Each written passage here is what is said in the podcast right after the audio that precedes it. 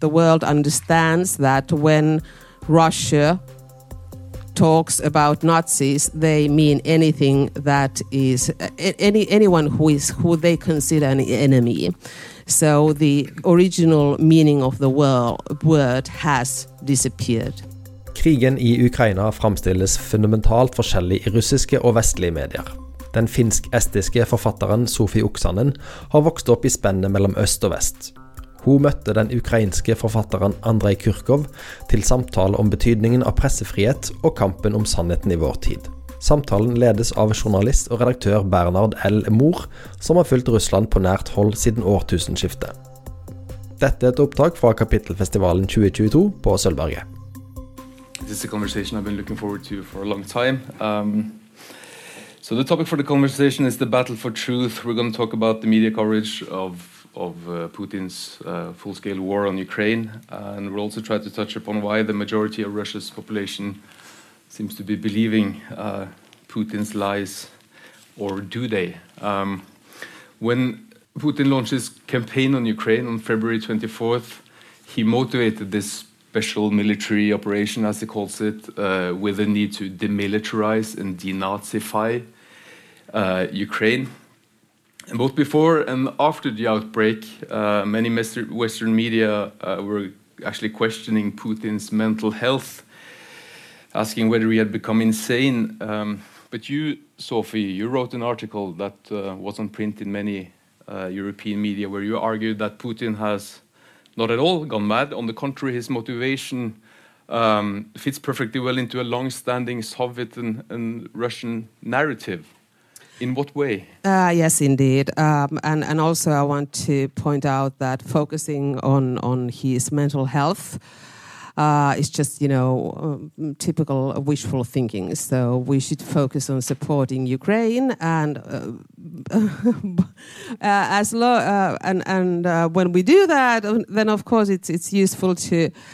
Um, deconstruct Russian narrative myths and one of them, which are which have a very long continuity, and uh, the racistic attitude towards uh, Ukraine dates back to the 19th century. Uh, so in that way, there's a long tradition to that, um, and um, alongside with this myth goes also the Nazi rhetoric. And in Baltic states, we know that very well because uh, Russia and Soviet Union has been calling us Nazis since 40s. And this narration and this rhetoric started to highlight uh, and, and rise again. They, they could have also, you know, get rid of it, but, but they didn't. And with Putin's rise to power, it's just starting to get stronger and stronger. And one of the first hybrid internet, or it, it was actually the first hybrid international operation against a Western country that is the Estonia was the bronze soldier cultures in 2007 mm. and that is when for example me as well there were a lot of you know demonstrations riots with this Nazi rhetoric that certainly caught up uh, Western by surprise even though it shouldn't have because it's been there all the time. Can you give some examples of that that it's been there all the time? Well um, I published my first novel 2003 and uh, the Nazi rhetoric wasn't part of the uh, those uh, pro-Russia activists who started to um, focus on my work and me as well. But after, it, especially, it started to focus on me in 2007, when they, for example, had demonstrations about my work with these same slogans they are now using in Ukraine.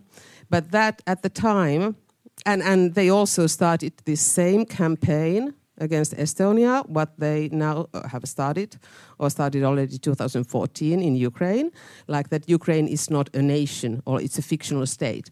That is exactly the same thing they have been repeating about Lithuania, Latvia, and Estonia. And in Estonia, 2007 was kind of critical moment because it became also international news. But then somebody, then certainly everybody forgot it except us. Of course, we couldn't because it still continued. The narration just continued.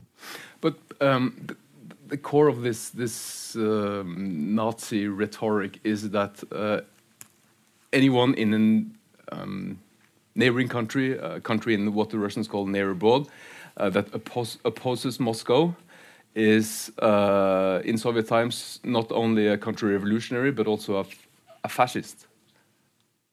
Yeah, the fascist uh, rhetoric was the was the one that uh, Stalin initiated because uh, he thought that nationalist socialism was too uh, confusing and too close to um, socialism. So that's why he focused on uh, on fascism. But then uh, Russia understood that okay, fascism is a little bit old-fashioned for Westerners, and that's something that kind of uh, surprised me because with my novel when the doves disappeared, I um, which is focusing on 60s, and in that novel um, I'm I'm writing about how KGB started to use active measures, which they are using now. Uh, Russia is using now as well. They are trying uh, started to use history and active measures as a tool of foreign politics, and especially note falsified history and how, how they started to create the fake history to, to justify the occupation of Baltic states. That's the kind of the core idea in, in when the doves disappeared. Um, and I was using exactly the language of the time, you know, when it took place, and, and this fascism rhetorics. But in some of the translations, um, I found out that they uh, definitely wanted to change the, the, word fascist to Nazi because they said that the local audience doesn't understand this rhetoric at all. So, um, which again, this is a kind of paradox and especially difficult for if you want to, you know, we, I'm writing about falsifying history uh, and how it was used for political, um, for Soviet Union's political gain. And then my translation, where I'm trying to be as, uh, as, as accurate about the historical facts as possible. And then uh, in the translations, you have to change the word to Nazi because uh, that is what Westerners understand better. So um, that was that was a bit hard for me, and I haven't been favoring this because, uh, as I said, facts are facts. And uh, in 60s, where the story is set, uh, the word Nazi was not at all used in Soviet Union. It was only fascist, fascist, fascist. So, in that way, that's uh, that's uh, it was a bit hard for me. But anyway, you know, uh, as my Western publishers uh, understood that to get the story to understandable and accessible to the audience, you have to use the word Nazi, referring to Hitler's Germany uh, and its ideology. And in the same way, uh, Russia understood that, okay, Eastern Europeans and Baltic states do understand these fascist rhetorics, but Westerners didn't really get it. So let's change to Nazi. And for them, I'm glad, at least this is something, and we have to uh, thank Ukrainians for that, that uh, now, also, um, it seems that the world understands that when Russia talks about Nazis, they mean anything that is any anyone who is who they consider an enemy. So the original meaning of the word has disappeared. Andrei, you, you were born in Leningrad in the Soviet Union. You have lived most of your life in, in Kiev, uh, in Ukraine. Um, how do you uh, assess this? How do you understand the uh, the Russian regime's usage of um, the word Nazi and, and calling um, um, the, specially, uh, the special military operation necessary in order to, to denazify um, Ukraine? How do you react to this? How do you understand this? Well, I mean, uh, I think Sofi uh, explained very well how to understand properly all the things happening in Putin's head. Uh, but uh, uh, in Ukraine, because uh, Ukraine has also a complex history in the Soviet period. Ukraine was smaller before 1939, and then Hitler agreed with, I wanted to say, with Putin, no, with Stalin, uh, actually, yes, uh, to, to uh, divide Poland. and uh, Western Ukraine uh, became part of Soviet Republic. That means that actually Western Ukrainians were forced to join Soviet system de facto in 1945.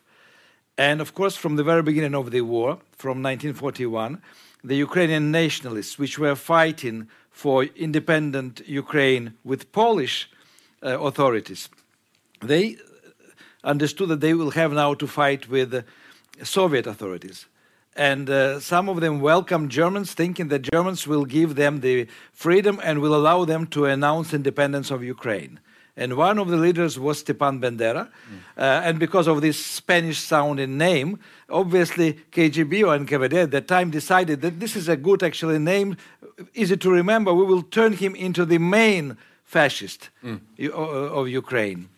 Actually, there were other leaders, much more, I would say, uh, efficient than Bandera. But Bandera, the image of Bandera as a leader of fascists, of Ukrainian fascists, was created uh, in the Soviet Union and was, even when I was a schoolboy in 1970s, mm. we were taught about actually this murderer Bandera killing uh, Soviet teachers and doctors in Western Ukraine.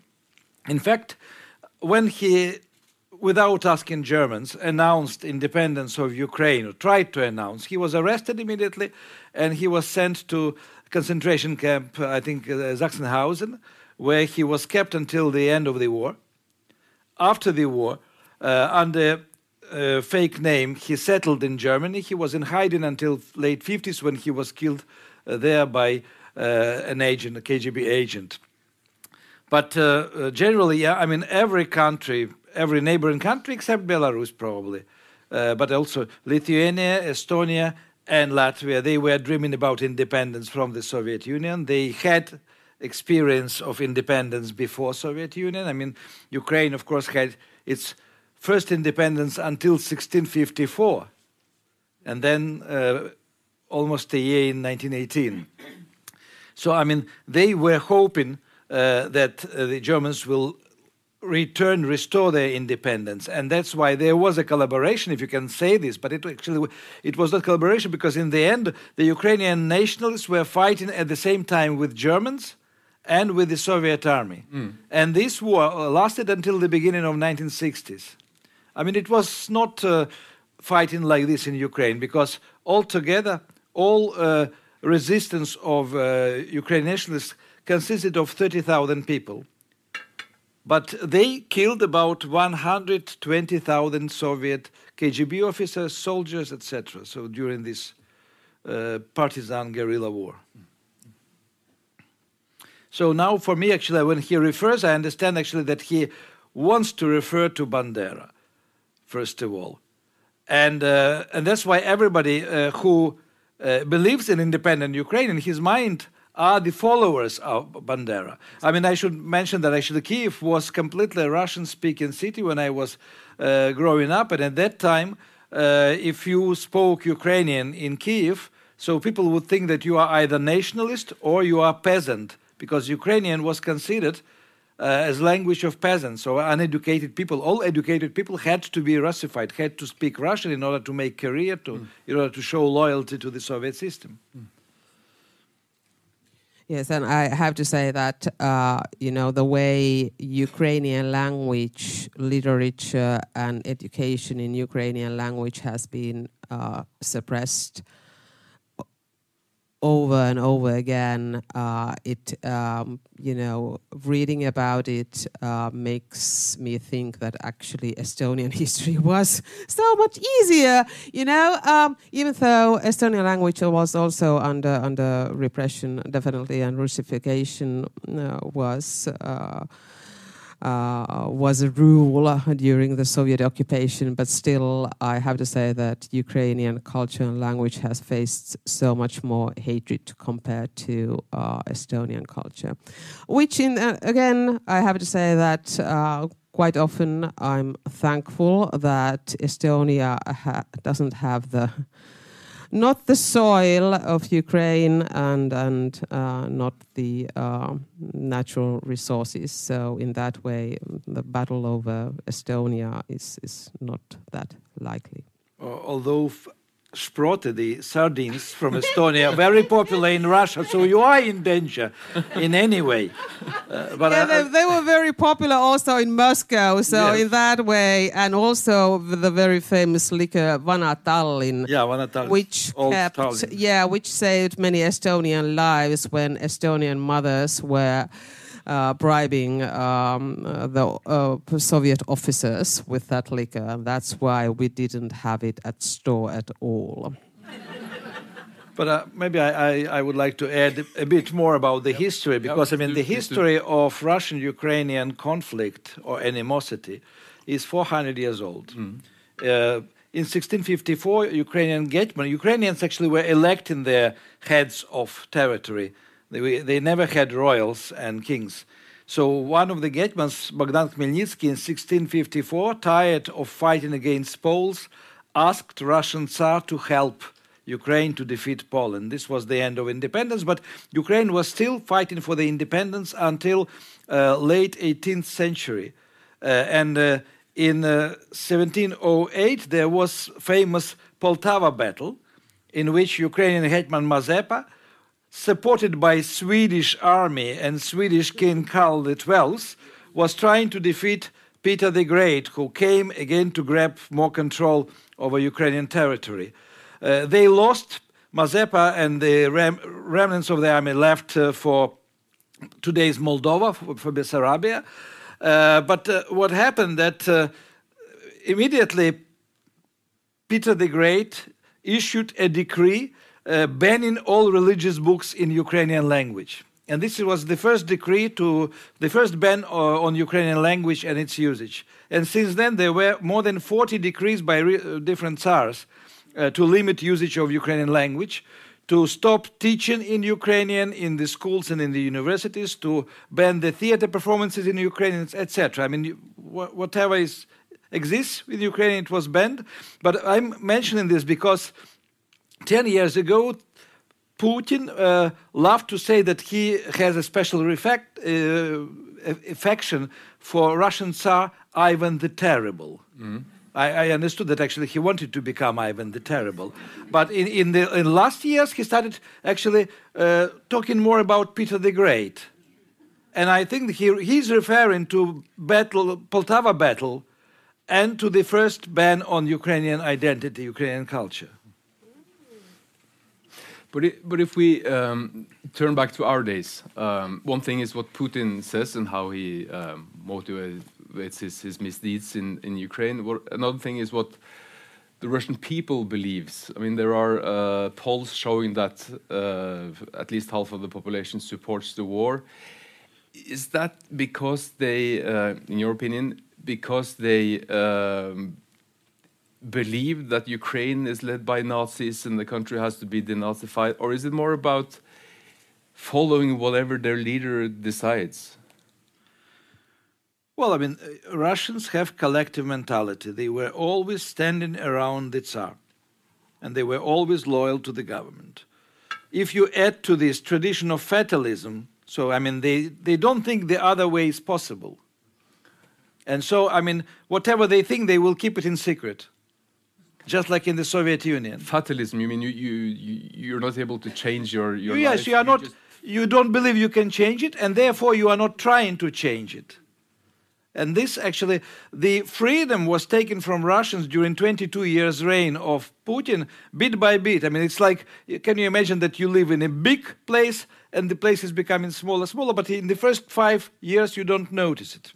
And when you notice it, it's already the fact you, you, after that actually you have uh, facebook twitter youtube switched off you have russian internet which can show you only what russian government wants you to show to see mm -hmm. and then you, you don't ask for freedom because i mean there is nothing left and I, I think um, Anne Applebaum kind of, you know, put it in a nutshell. There is no public opinion in Russia in the way we understand public opinion.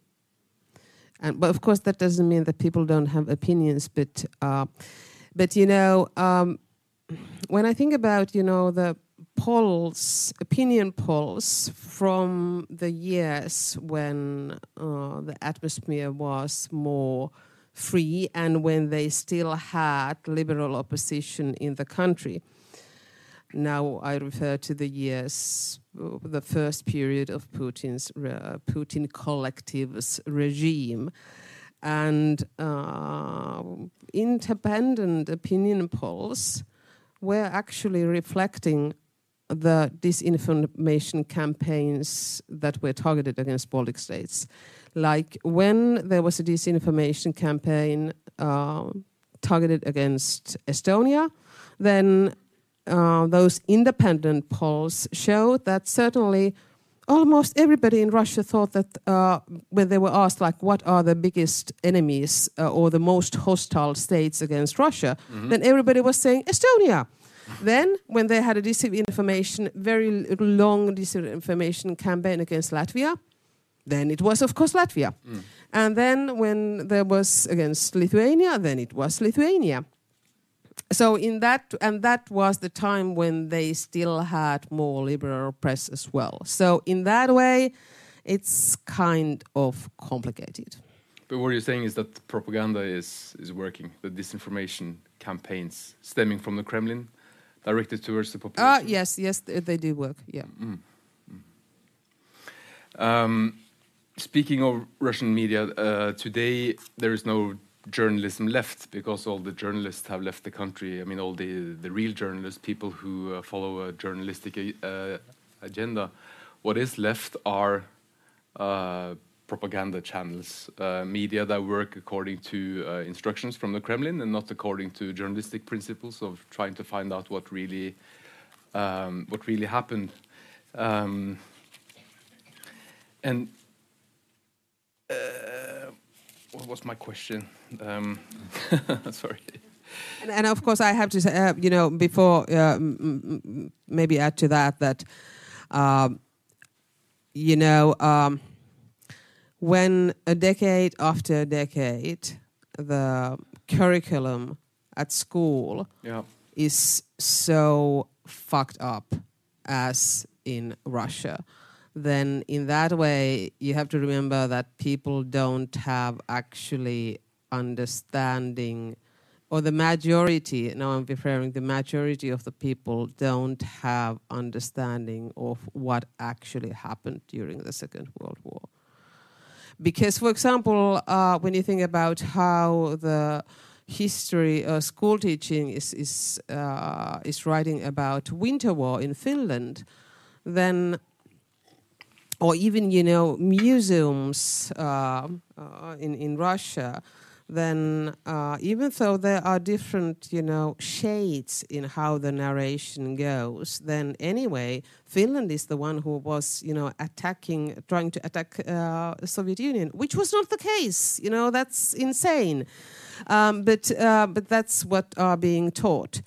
Um, and for example, that Finns had concentration camps for Russian uh, in in Karelia, uh, and and uh, there are there's a lot of you know history falsification about Finland as well, but it's not Finland is not targeted in the same way as as uh, Ukraine and Baltic states and, and, and our countries. But anyway, if this is what you know children are taught at school, so in that way it's very easy to trigger the ideas of of of of you know uh, of your enemies. You know, even though for us the idea of that anyone, any Ukraine, Baltic states, Finland, Sweden would attack or invade Russia is insane, but it's not as insane as it is to us if you read the history books that uh, the, or the curriculum of, uh, of, of Russian education. So the, the question I wanted to ask was um, about the media, and I mean it, it's it's related to this. Is, is do people really believe this way of uh, presenting the world that that Russia is under attack from the West in in numerous ways? That you know Latvia is dangerous and Sweden is dangerous and everybody is a threat to Russia, or is it more about um, getting some comfort in a narrative that says that uh, okay, life in Russia, parts of Russia might be bleak, but now we're play we're a player again on the international arena. Well, I think I mean we, we did mention one aspect of, of I would say mentality and psychology of Russian uh, society and uh, of hard work of Russian government to impose great pride on every Russian and to tell them that they are the best people in the world, they are higher race, they are more religious, because everyone else in every country, I mean, they're only homosexuals. Mm. Uh, and, and, and in this sense, actually, yes, you have uh, an educated part of population in the countryside living uh, without electricity sometimes, with uh, toilets outdoor, etc., who are extremely proud uh, to be Russians and extremely proud to have enemies around because it means that actually all the world around them is afraid of Russia, which is actually the result of this because I mean the world is afraid of Russia. We don't know what uh, will Putin press the button or not, but I mean, but he has the support of the the dark ages of, this uh, countryside majority. The cities are more flexible and there you can have different opinions and now actually we have the situation when the city dwellers are escaping from the country making the percent of the people who support putin even higher right mm. and even more so with the recent mobilization because the mobilization uh, that was announced on, on wednesday suddenly makes the war come close to the for the middle class in the bigger cities that up until now haven't had to care that much about the war because uh, Putin has only been sending professional uh, soldiers and people recruited from poorer parts of the Russian uh, country. Yeah, and and um, also. Um, well, we see so much images of you know the Moscow and Saint Petersburg and and so on. So the poverty in the countryside is not that is is probably not really understood in in in Western countries. Also, bear in mind that you know most or the majority of Russians living in Russia haven't ever visited abroad, and they they don't have a passport even. Yeah, exactly, and they don't speak other languages than Russian. So this population cannot make comparisons in a way that uh, you know that the middle class that that is fleeing the country because they know how to travel. They know that they can leave the ship, and they also have seen what the life is like outside Russia. So in that way, of course, they don't believe it in the same way. They don't believe that they can change it either. Sadly. And a similar situation was in Donbass, actually, where people, I mean, it was a very highly populated region, 7.5 million. 90% of people never traveled, never traveled from their small district. And that's why, actually, when they started going to Europe as refugees, they didn't have cases with them. They had plastic bags with clothes. Mm -hmm. A lot of people actually traveled, whole families, with one old case and uh, 20 plastic bags. And, and, and I think, you know, when because we are now in Norway and, and uh, well, actually, Finland is the country where we have the highest pop, uh, highest percentage of people traveling abroad, which I find interesting because we didn't used to travel, but now we travel as much as possible, and um, so I, I, think this is this is even also for me very difficult to sometimes to remember or even try to imagine the world view of, peop- of a person who hasn't ever traveled. Um, we should talk. And that might, but that also to the, those people, it actually, you know, it might be very scary, even, you know, to think about, you know, changing anything. Mm. They, you know, before you want to change something, you have to uh, be able to make a comparison. You have to be able to compare things or different countries. You know, oh, they have better things in that. We are better in that, but they are better in that. You know that to to to understand that the different world is possible, you need to have you need to see yourself. But there is a part of the Russian population that actually is well traveled. Um, during the first uh, eight years of Putin's reign, there was an immense economic growth in Russia. Uh, you certainly got a middle class, people who had a spending uh, power that were on par, not with Scandinavia, with, but perhaps with Spain and, and Portugal. Um, and people were Russians would travel all over Europe the whole time. So I mean, there is a there is a middle class in the bigger cities that have really uh, seen the world, that is well educated and uh, should know better. Why haven't they been able to stop Putin and his uh, uh, cronies from from taking more and more? because they didn't want to go into politics. So they enjoyed life, they had money, they had possibility to travel, to buy houses abroad. And in the end, actually, half of them bought uh, uh, houses in uh, Montenegro, in Spain, and uh, the Russian pop- middle class population of Europe is now, I mean, you, you cannot imagine how big it is. And actually, when they are in Europe, they, many of them start supporting Putin's ideas. I have a I have a friend in St. Petersburg who is sending his kids to a private school, uh, which is quite expensive.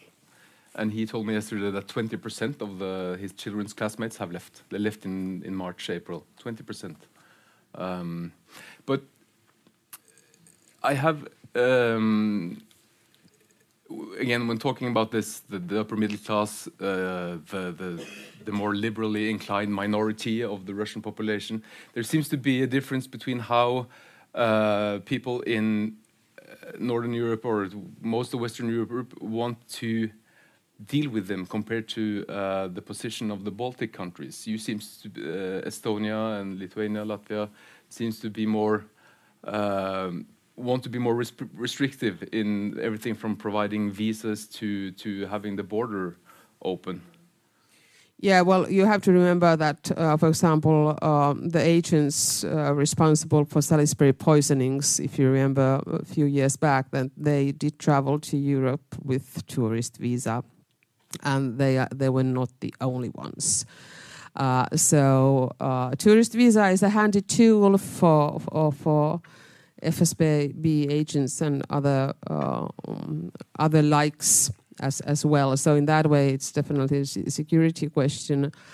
Uh, and and then when you think about uh, Baltic states, then we have had every one of Baltic states. We have had problems before already that uh, Russia is smuggling in um, protest or so-called protesters. I mean, they are professional uh, protesters. Uh, uh, creating riots. So um, But aren't tourist visas also a handy tool to help uh, journalists and, and human rights activists Ah, but- but out, out of Russia? Uh, as far as I know, that that's a humanitarian visa that should be used for that. And I was, I have to say that I, I don't know how the that is discussed in Norway, um, but I did ask uh, Finnish. Um, officials like how is it going to work because i mean the idea that if someone is under persecution and then you want to leave the country and you are applying for a humanitarian visa. I mean doesn't it that like you know your you know those who want to attack you will know that you want to leave the country? I mean that but they finnish uh, officials uh, assured me that they have that it's not going to be like a stamp in the um, in a visa or in a passport that okay this is a person traveling under humanitarian uh, visa so it will look like any other visa that is what they have told me i don't know but we of course do remember that you know even getting a, li- a little bit too close to a Swedish or Norwegian embassy, for example, can be uh, dangerous if you are under persecution. uh, I want to say something which is, from the first glance, far away from the topic. But uh, in 1990s, the horror films from America had no success in ex-Soviet Union, even in the beginning of 2000. They didn't work. Mm. After Soviet history, horror films seemed to be animation films for children. so for Ukrainians, for Estonians, for Latvians, Lithuanians, uh, the, uh, the association with the Russians is Gulag and Lithuanian cemeteries in Siberia, or Ukrainian cemeteries in Siberia. For Western Europe, uh, Russia is associated with Dostoevsky, Chekhov, and Tolstoy. That's why Western Europe is not afraid of Russians, and uh, Baltic states, Ukraine, are afraid of Russians and trying to stop. Actually, I mean, they are coming now to us without visas. You know, and it's difficult to count them. Uh, yeah, yeah, no, yeah, and, and um, I'd like to add that you know that was the same thing also with uh, Nordic crime. I mean, now uh, I, I don't know if the popularity of Nordic crime is going down. Maybe in Ukraine, for example, hmm. because you don't need more of that. Um, or in other Eastern European countries, or I have to check that. But uh, you know, when Stieg Larsson became a huge thing, then it didn't actually, you know, it was one of the first one, of course, that started to work in Eastern European countries. But for a very long time, Nordic crime didn't play a role at all. Mm. Uh, exactly because of the same reason uh, Andrew just, you know, mentioned, because it doesn't kind of, you know, why do you want to read crime? I mean, the reality is well. Mm. So and and that's why, for example, one one of my uh, publishers was pretty uh, startled and annoyed when he uh, went to London and saw my books, you know, under thriller section. Because he was like, okay, he saw it as a, I understand that in UK there's a limited, you know, space for literary fiction from uh, Finland. so in that way, I understand that you have to put them, you know, somewhere, um, whether it's uh, next to UNESCO then or nothing. But he he was, but I uh, he said that uh, for them, it's in entertainment. For us, it's reality. Yeah. But also, we should remember that uh, the people, the Russians who will be mobilized in the army now, mm. they all have uh, uh, passports to travel abroad. They have visas. They will be fighting in Ukraine, committing war crimes. Somebody will be definitely, and then they will go back, take their travel passports, documents, and come as tourists to to Europe. And you don't know what state of mind they will be in or state of psyche.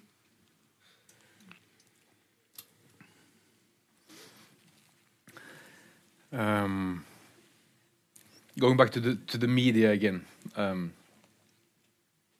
Russia has uh, also directed this their disinformation campaigns against countries abroad, trying to meddle in uh, elections and also to um, try to weaken people's trust in political uh, etc. Uh, and often Russian propaganda and disinformation has been picked up by niche media in Western countries, in Finland, Norway, Sweden, uh, and th this way pr promoting that uh, disinformation um, and re reinforcing it. Do you think that this war will, will change this? I mean, that wider um, part of our societies will understand that this is. Uh, the Putin system can never be sympathized with? Uh, well, uh, at least I have seen a, um, a, good progress when I think about you know the first um, when the uh, when, for example, uh, Western media uh, in Finland uh, um, started to understand at least a bit about the disinformation campaigns or state run disinformation campaigns. First, there was no understanding of that at all. Uh, for example, uh, in Finland, we did have very active pro Russia groups and activists that uh, had been uh, they activated in 2007, and they started to publish books about um, Estonia, and uh, those books were definitely uh, Moscow propaganda books, but they were published by totally respectable uh, Finnish publishers because they didn't, they just didn't think that it would be possible that we have Finns that actually are trying to get, you know, Russian propaganda books published by Finnish publishing houses. For example, they had books where they claimed that uh, Anna Politkovskaya made a suicide. Uh, they had books where they um, had very hazy uh, pictures of barbed wire and using flirting with the Holocaust uh, uh, visuals. Uh, they claimed that Estonians are building uh, concentration camps for Russians in Estonia, like now. Uh, which is, of course, is not true.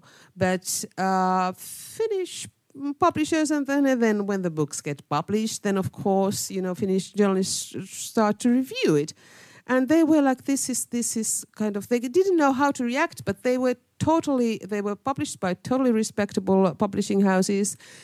Uh, uh, they were reviewed in major news outlets, and also the those people who made those books, or at least whose name was, you know, on the book, on, on, on the on the title, uh, next to the title, there were interviews in media, and one of them was even um, uh, teaching at Helsinki University, and he was using these books as uh, as you know, he was teaching about Russia using his book his about yeah about Anna Politkovskaya's suicide.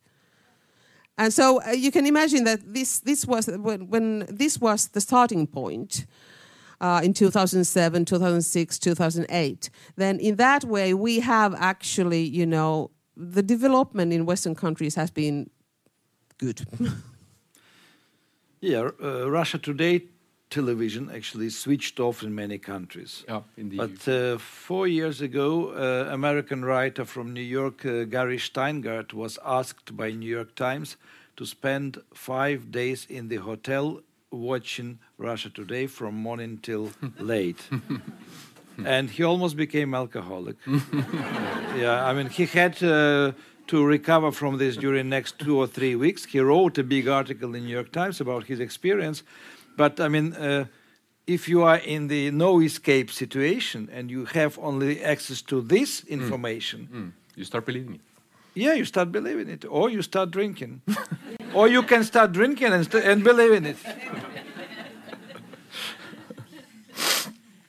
Um, Sofi, in your, your article, you write that um, Russia will continue its expansionist politics as, as long as it doesn't confront all those colonial crimes it has carried out through history.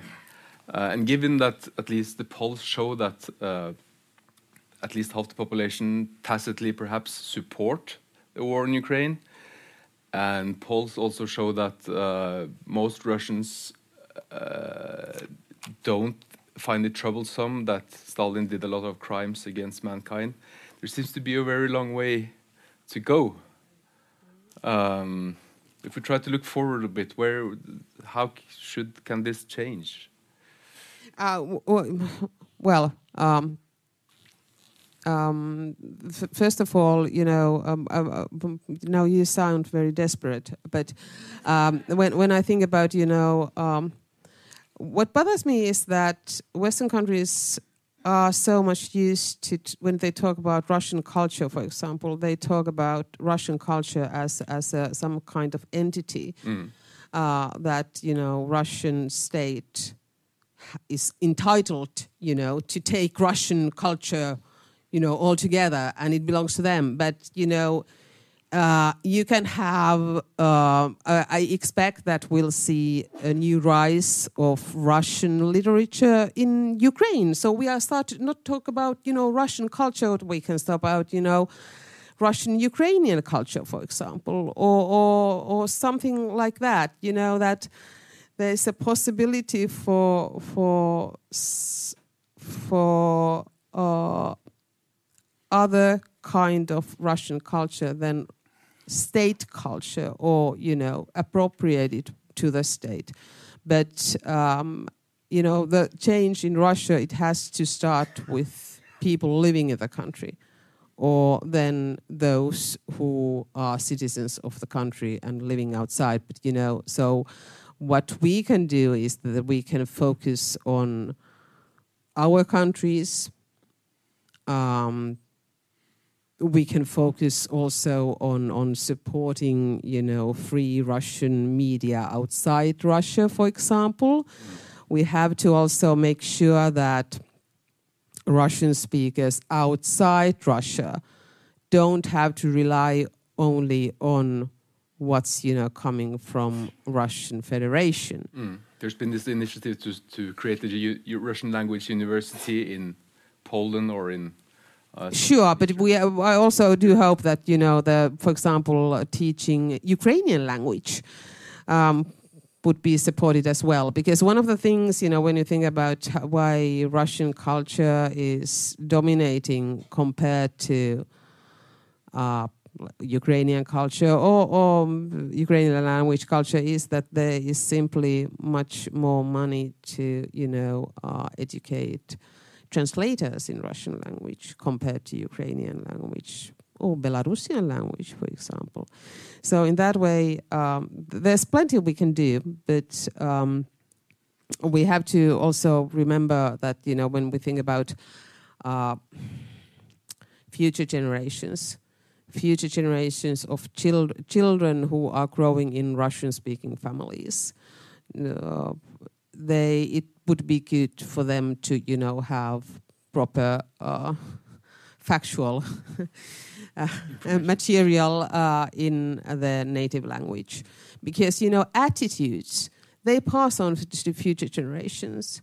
And if there's a grandmother thinking okay the great great, great uh, the uh, creating the, and supporting the myth of great patriotic for example then the grandmother passes on to the next generation and the next generation and the next generation.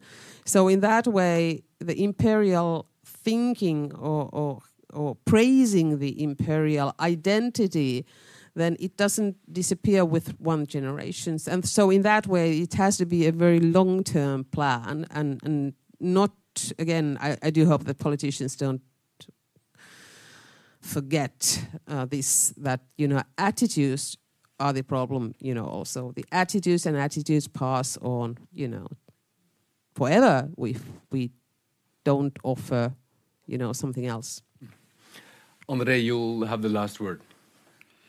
If you'd like to add something. Uh, I mean, last word usually given to uh, somebody who is about to go into prison.